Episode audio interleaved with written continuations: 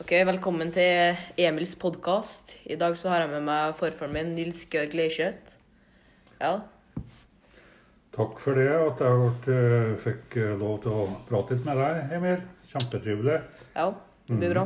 Ja. Ok, Så jeg skal spørre deg noen spørsmål om andre verdenskrig og hvordan det var i Tromsdalen på når du levde. Nei, når eh, du skal fortelle litt om hvordan det var når eh, mora di og sånt levde. Så spørsmål nummer én blir eh, Mora mi bodde i Tromsdalen under krigen.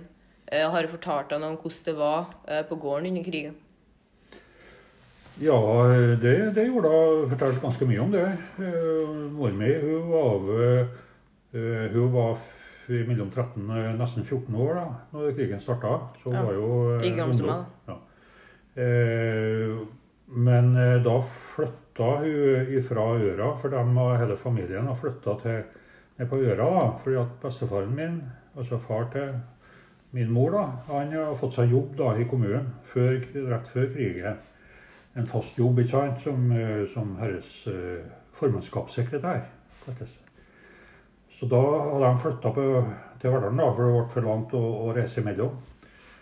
Og, eh, og hun likte å bo i Tromsdalen helst. Hun ville heller bo der. ikke sant? Så for henne så var det veldig greit da, å flytte tilbake og oppe i Tromsdalen og drive gården. Så de, eh, For det var plass oppe på gården ikke sant, til at de kunne bo der da, samtidig som det bodde de som drev gården. For gården var egentlig satt bort da, ikke sant, og leid bort da, til noen annen i slekta som drev gården ikke sant, i en periode. Så både de som drev den, eh, har gjort før, da, og, og, eh, og mamma og familien hennes flytta dit oppe på gården. Fordi at min bestefar ble arbeidsledig. Han ble sparka fra jobben etter hvert.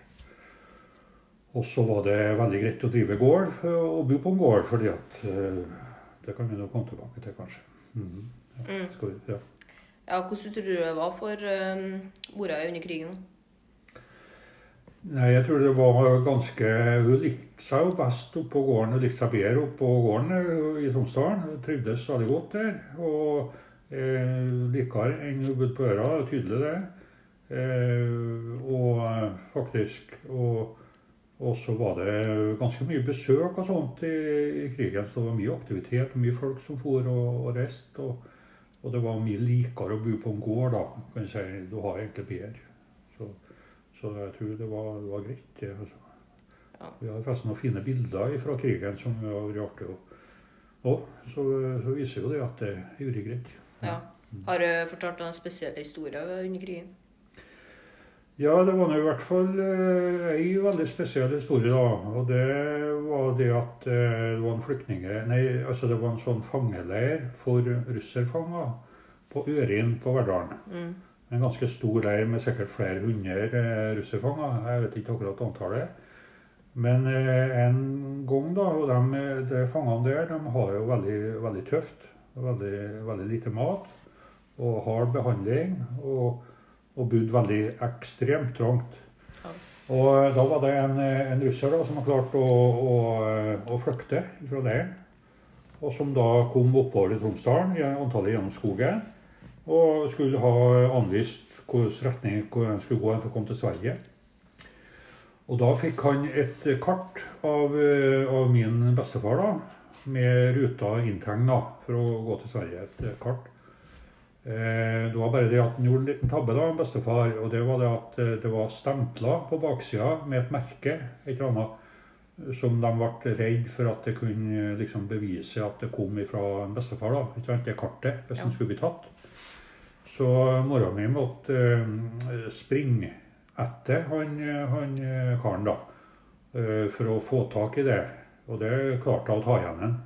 Oppi haugene eller oppafor der, ikke sant? hvis du vet hvor haugene er i dag. ikke sant? Oppi, oppi der. Så klarte hun å ta igjen. Så det ordna seg. Det Ja. det. Mm.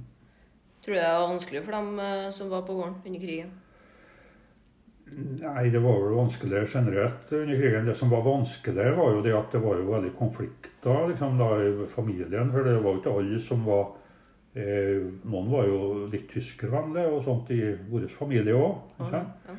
Så det ble eh, litt vanskelig mellom folk. Ikke? Ikke i, den lille familien, men kan jeg si søskenbarn og sånt til mamma, eh, som, eh, som var det. ikke sant?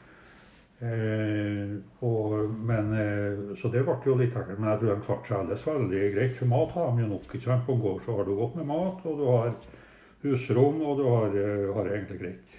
Ja. Så, ja. Hvordan tror du det ble da freden kom, da? Nei, det ble jo kjempepositivt. Det er selvfølgelig ikke sant og at de har fått bort eh, tyskerne da, i Norge. da. Ja. For de, de så bare negativt på det. ikke sant? Det var, jo, det, var jo, det var jo mye rart de har gjort. Ja. Og, så alle i det, den familien var jo enige om at de ville, ha, ville bli fri, tyskerne. Og var alles enige at de tapte krigen da, og var veldig glad for det. Mm. Eh, eh, så eh, Men så var i tillegg da, så var jo bestefar aktiv i, i politikken i Verdalen. Så han ble veldig engasjert i å få orden på saker og ting i, Verdal kommune etter at krigen avslutta, for å få i gang eh, kommunestyret og få ting til å fungere liksom, i kommunen. da. Så han var faktisk eh, ordfører i det et sånt foreløpig kommunestyre da, ikke sant, som de var før at de fikk avholde valg og sånne ting etter krigen. For å, å få, det, få det i gang. Ja, Så han fikk tilbake jobben sin etter krigen? Mm. Ja, det gjorde han nok, ja.